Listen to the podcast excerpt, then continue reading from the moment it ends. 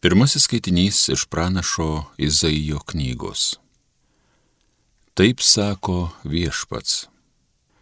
Laikykitės teisingumo ir būkite dori, nes greitai ateis mano išganimas, greitai ims reikštis manasis teisumas.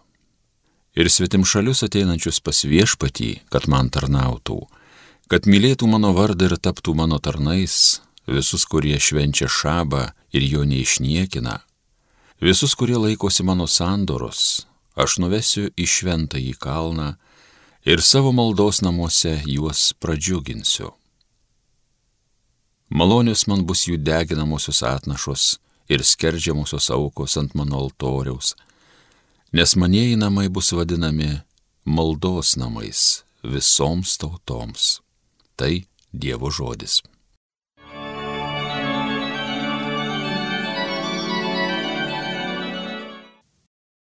Dieve, tave te garbina tautos, visos tautos tave te šlovina. Te būna Dievas mums maloningas, mus te palaimina, mums te šviečia jo veidas, tegu tavo kelią žemė pažįsta, o visos tautos tavo išganimą.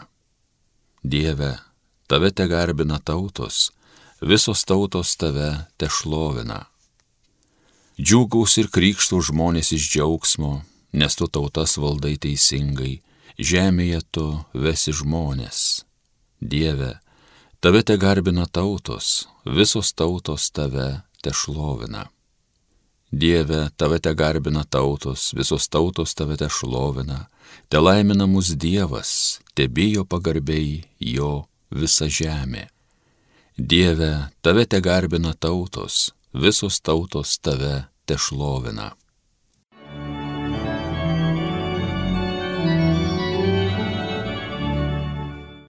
Antrasis skaitinys iš Šventojo Paštalo Pauliaus laiško romiečiams.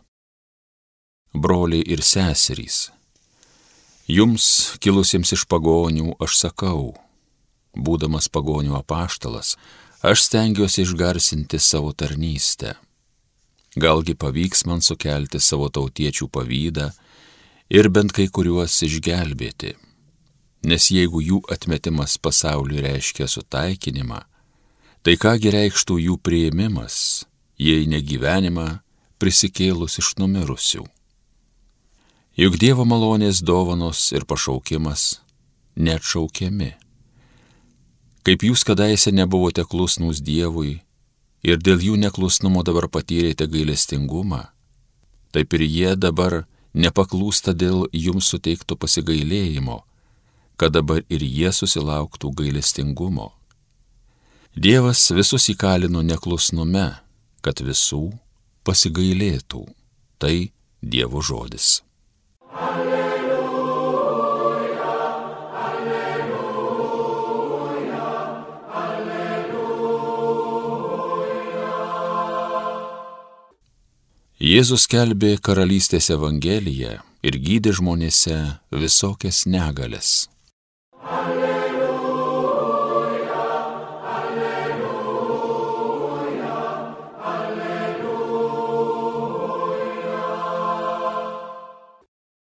Pasiklausykite šventosios Evangelijos pagal matą. Jėzus pasitraukė į Tyro ir Sidonos rytį. Ir štai iš ano krašto atėjo viena moteris kananietė ir šaukė, pasigailėk manęs viešpatie Dovido sūnau. Mano dukterį baisiai kankina demonas Bet Jėzus neatsiliepė. Tuomet priejo mokiniai ir ėmė įprašyti, išklausyk ją, nes jis sekio iš paskos rėkdama. Jėzus tarė, aš esu siūstas tik pas pražuvusias Izraelio namų avis. Tada moteris pribėgusi puolė ant žemės, maldaudama, viešpatie padėk man. Jis atsakė, nedara imti vaikų duoną ir mesti šunyčiams. O jis sako, taip viešpatie, bet ir šunyčiai ėda trupinius, nukritusius nuo šeimininko stalo. Tuomet Jėzus tarė jai, o moterie, didis tavo tikėjimas, tebūnie tau kaip prašai. Ir tą pačią valandą jos duktė pasveiko. Girdėjote viešpatie žodį.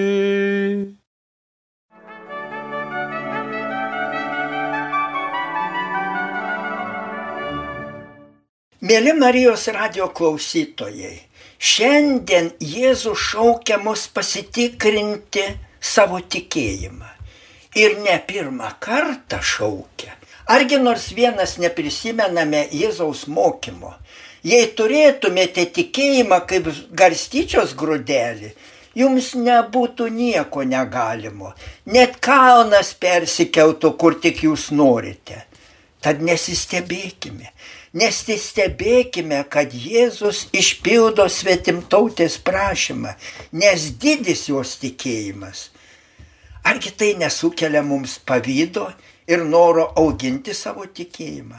Dar daugiau, mus tai skatina stebėtis, kaip dažnai pasaulyje randamas tikėjimas, kurio neįsivaizduoti atrodo neįmanoma. Štai, kai vedė ispanų banditą Juaną Sezalongą į kartuvės, staiga jis sako būdeliui, aš kalbėsiu tikiu, o tu žiūrėk, nedėk man kilpos ant kaklo, kol nepasakysiu, tikiu mirusių prisikelimą. Budelis sutiko. Bet įsivaizduokite, įsivaizduokite, tikinčiųjų minę, pabrėžiu, tikinčiųjų, kurioje buvo ir vienuolių, ir valdžios atstovų šaukė. Kam tas dėlsimas? Juk jis atsisakė kunigo. Ir vis tik nusikaltelis tada išsireikalavo. Jam buvo leista sukalbėti tikiu, kaip paskutinė pasmerktojo teisė. Ir daugelis, daugelis tada su baisiu pasipiktinimu klausėsi žmogžodžio tikiu. Ką aš noriu to pasakyti? Apie ką čia reikėtų mąstyti? Apie žudiko tikėjimą? Apie tikinčiųjų minios tikėjimą? Ar apie savo tikėjimą? Tai mastant, juk peršasi mintis, kad tas nusikaltelis kaip ir ana šalia Jėzaus ant kryžiaus mirštantis, žinojo kažką apie Jėzų, ko nejaučia daugelis netgi tikinčiųjų. Taip, būtent jis žinojo tai, ko nežinojo tada stovintis prie kartuvių Jėzaus sėkėjai. O gal dauguma žmonių samoningai Jėzų pažįsta tik taip, tik sukilpa ant kaklo. Šiurpas krečia toks nužmogėjęs, toks nešvarus ir gali Jėzų pažinti paskutinį gyvenimo momentą, pažinti geriau už visą gyvenimą tikėjusius. Gal nereikėtų jums visai kitokiems, tiesiog alsuojantiems Jėzaus oro ir jo mintimis kalbėti ir mąstyti apie tai. Bet labai dažnai kunigaudamas susidūriau su žmogaus atsivertimu paskutinę gyvenimo minutę. Tad reikia klausti savęs, kaip žiūri į Dievą nešvarios mirštančio nusidėlio akis, kaip kalba apie jį nešvarios lūpos, kaip myli jį nešvari širdis. Prisiminkime, mes randame Evangelijoje Pas Jėzų atėjo nešvarusis ir atsiklaupęs maldavo. Jeigu nori, gali mane padaryti švarų. Jėzus pasigailėjęs jo, ištėsi ranką ir tarė, noriu būk švarus. Ko gero tik esant tokiam nešvariam, te galima ir pajusti Jėzų, te galima ir prisiliesti jo. Galbūt nusidėlė apie Jėzų žino tai, ko nežino šventieji, abejoja garsusis Mereškovskis. Ir gal žūstantieji žino apie jį ką nors tokio, ko nežino sveikieji. Net pražuvusieji ko gero žino ką tokio, ko nežino išgelbėtieji. Suprantama, suprantama, išbadėjęs labiau jaučia duonos skonį už persisotinusi. Mirštantis iš troškulio skaniai gers net ir purvina balos vandenį. Taip, mirštantis žmogus labiau jaučia Jėzaus malonę, netekęs jos per savo kaltes. Tada jis pajunta, mirštančio ant kryžiaus Jėzaus mintį. Mirties kančioje agonijoje galvojau apie tave, brangusis. Paskutinį kraujo lašą išlėjau už tave ir sušunka tada Jėzus mirdamas ant kryžiaus trokštų. Jis be galo trokšta visus žmonės išgelbėti, visus turėti dangoje. Trokštų Atsiliepkite žmonės, nepasilykite nuodėmėje, neikite į pragarą. Jis, kad koks elgeta maldauja visų. Ta Jėzaus troškulį išgelbėti nusidėlius, ko gero labiausiai jautė šventoji Teresėlė. Jos gyvenime ypatingą reikšmę turėjo du dideli nusidėliai. Keturioliktais savo gyvenimo metais jis sužinojo apie tokį prancinį, nužudžiusi tris žmonės. Nuteistas mirti, jis neparodė nemažiausio gailesčio. O karšta idealistė negalėjo susitaikyti su mintimi, kad jis taip ir numirs neatsiprašęs Dievo. Pusantro mėnesio ji visą savo maldas ir kančias aukojo už prancinį. Ir Dievas jai parodė ženklą tas baisusis nusidėlis paskutinę minutę prieš mirtį pagrebė kryžių ir tris kartus pabučiavo nukryžiuotojo žaizdas. Kito didelio nusidėlio basojo karmelito tėvo Hiecinto Luozono likimas buvo dar dramatiškesnis. Jo pamokslai jaudino visą Prancūziją, jis veikino net pats popiežius. Tačiau staiga tas garsusis pamokslininkas tapo atskalūnų ir ėmė kovoti prieš bažnyčią. Ir net 43 metus kovojo. Katalikams jis atrodė toks siaubingas, kad net jo vardą draudė minėti.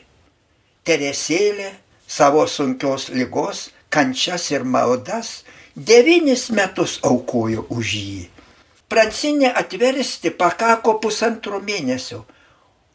O čia ir devynių metų tarsi negana. Bet Teresėlė net mirdama neprarado vilties, kad Hiecintas atsivers. Už jį aukojo net savo paskutinę komuniją. Žinome, kad Luozonas perskaitė Teresėlės vienos sielos istoriją. Ir po to tiesiog neatsitraukdamas perskaitė visus jos raštus.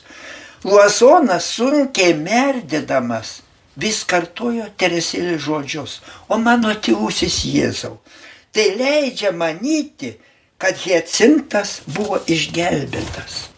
Klausykite, klausykite, brangieji, juk vien išgirdu šias eilutės galima sėsti prie stalo, imti plunksną ir pradėti rašyti Kristaus gyvenimą. Šitaip ir atsitiko su Giovanni Papini. Jis norėjo parašyti knygą prieš Jėzų. Tam be abejo reikėjo nors lašelį Jėzaus gyvenimo pažinti. Tas lašelis ir padarė jį uoliu Jėzaus išpažinėjų, tokiu ugningu ir jautriu Jėzaus gyvenimo aprašytoju. Tikriausia tokia nuotaika paskatino ir garsų į Harnaką parašyti tokią nuostabią, laisvą ir garbingą, kad ir ne visai bažnytinę knygą Krikščionybės esmė. Tos knygos epigrafų jis paėmė žodžius ir šunyčiai po stalų ėda vaikų trūpinius. Taip, tik taip daugelis žmonių ateina pas Jėzų. Dievo vaikai išbarsto tikėjimo trūpinius, o šunyčiai susirenka. Duok Dieve mums to tikro trupinio tikėjimo. Tad neturime brangiai pulti nevilti, neturime nusiminti ir šiais laikais, kai didžioji dalis žmonijos yra atmetusi Dievą. Kiek dabar žmonių yra už Kristų ir prieš Kristų? Nežinome to. Nežinome dėl to, kad tikro tikėjimo niekas negali suskaičiuoti. Užsirašo kartai žmogus tikinčių, bet gyvena kaip netikintis. Žmogaus vidaus niekas nesuskaičiuos. Bet jei ir žinotume, kad dabar visi žmonės prieš Kristų, argi tai paveiktų tikrą tikinti nusisukti nuo jo? Juk žinome, gerai žinome Jėzaus žodžius. Ar atėjo žmogaus sunus bera žemėje tikėjimą? Be abejo, Jėzus žinojo, kad didžioji žmonija eis ne ten, kur jis kviečia. Ir vis tik Jėzus sako, jūs būkite drąsūs, aš nugalėjau pasaulį. Pasaulis dar niekada taip neskubėjo į pražūtį kaip dabar. Pasaulis dar niekada negyveno taip viską žudančioje tuštybėje, taip viską greunančiose nuodėmėse. Ir atrodo, dažnai atrodo, kad štai, štai jau viskas pražus. Bet mes pabaigos žmonės neturime drebėti dėl pasaulio pabaigos, nes mes esame arčiau negu Evangelijos, negu bet kada. Juk Evangelija tai knyga apie pabaigą. Juk pats Jėzus sako, aš pradžia ir pabaiga, pirmasis ir paskutinysis visus mus tikrai tikinčius jis guodžia. Veikia ateinu ir kiekvienam atmokėsiu pagal jo darbus. Amen.